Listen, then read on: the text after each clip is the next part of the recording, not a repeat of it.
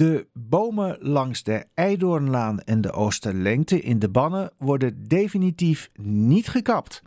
Eerder ontstond er groot protest onder bewoners omdat veel van het groen bij de herinrichting van de Eidoornlaan, ter hoogte van het Boven ziekenhuis, zou moeten verdwijnen. Door deze protesten werd de kap op het laatste moment afgelast en afgelopen week werd een nieuw plan gepresenteerd waarin bijna alle bomen worden gespaard. Coördinator van de acties in de tijd was Hanny Oosterhuis en na afloop van de presentatie was ze blij met het eindresultaat. Ik ben zeer tevreden, want alle eisen die wij gesteld hebben, uh, hebben ze ingewilligd. En dat was eigenlijk dat uh, alle bomen, zoveel mogelijk bomen, zouden moeten blijven staan. En daar gaan ze nu voor. Dus ik ben heel blij. En hoeveel bomen is hier nu het leven mee gered? Uh, 84. Oh, dat is een enorm aantal inderdaad, ja. Ja, ja zeker. Absoluut, heel veel. En uh, ik begreep dat er misschien één boom weg moet. Nou, dan heb je er toch weer 83 gered. Ze waren al voorzien van witte stippen hè, om te worden gekapt. Klopt, ja. En we hebben toen uh, met een aantal mensen uh, hebben we zelfs uh, in het begin uh, allemaal uh, groene linten om die bomen heen gedaan. We hebben fietsen neergezet om, om die bomen heen. Ja, geketend aan de bomen. Hè? Ja, dat ze niet gekapt konden worden. Want de aannemer was dus al besteld. Die had de weg al afgezet. Hij had allemaal hekken geplaatst.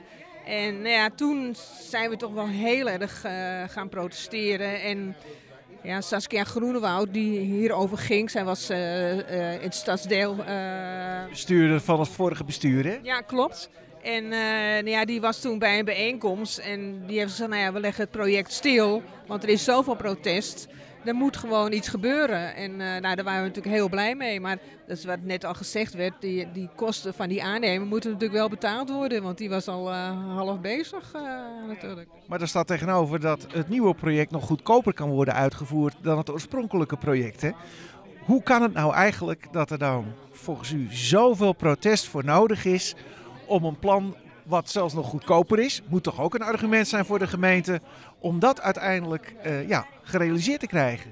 Nou ja, ik denk gewoon dat uh, in de eerste instantie werden alle bomen gewoon gekapt als er een project moest uh, uitgevoerd worden.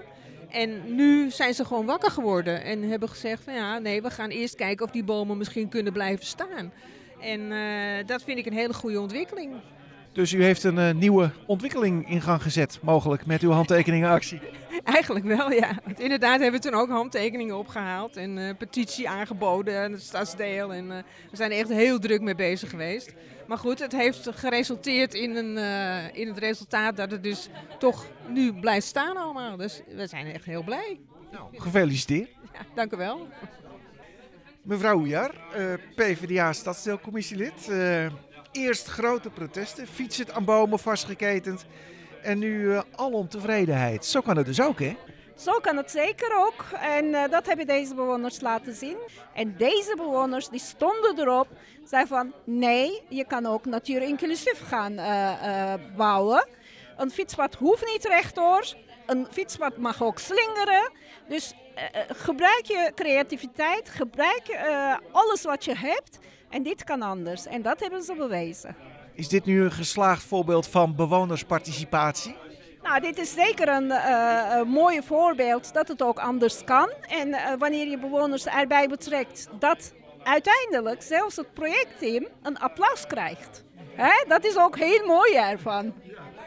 Is dit nu de, de nieuwe manier waarop uh, Amsterdam voortaan projecten gaat plannen? Met een luisterend oor meer naar bewoners dan eerst. Dat was nog goedkoper ook, hè, dit nieuwe plan. Klopt, het heeft een win-win situatie. De bomen blijven staan, we zijn goedkoper uh, uit. Maar aan de andere kant, of, dat ook, of, of je dit ook gelijk doortrekt naar de centrale stad, dat vraag ik me af. De voornemen is natuurlijk altijd, hè, wij willen graag met onze bewoners participeren. Maar dan zitten er altijd haken en ogen aan vast in de zin van de verwachtingsmanagement. In ja, wij participeren, maar uiteindelijk trekken wij aan de touwtjes. Dat gevoel, dat moet losgelaten worden vanuit de stopperen. Zijn er nog meer projecten in Noord die volgens u in aanmerking komen voor deze benadering 2.0? Nou, zeker weten, want uh, er uh, gaan alleen maar meer projecten komen in Noord, zeker wat betreft uh, verbouwing. Hè. Heeft u een voorbeeldje? Nou, Hamerkwartier bijvoorbeeld, NDSM, Klaprozengebied. dat zijn allemaal gebieden waar volop straks echt, ja, op Hamerkwartier staan niet zoveel bomen, maar bij Klaprozengebied wel. Dus die worden ook gekapt. En net vroeg een bewoner van, kunnen ze het daar niet ook niet toepassen? En waarom moeten de bomen daar toch weer weg? Ja, het is iedere keer de afweging die gemeente maakt van uh, ja, hoe goed gaan we te werk? Zij, hè, uh, bomen versus woningen. Welke wint het? En het is altijd, het is altijd alles gaat, verdichting gaat zeker ten koste van groen. Maar voel ik zachtjes een uh, nieuw ongevraagd advies van de stadsdeelcommissie aan de Stopera aankomen? Nou, zou zo maar kunnen. Waarom niet? Nou, we gaan het uh, afwachten. Wat in ieder geval wel zeker is, is dat de herinrichting van de Eidoornlaan in de tweede helft van volgend jaar zal beginnen. En dat is ruim een jaar later dan oorspronkelijk gepland.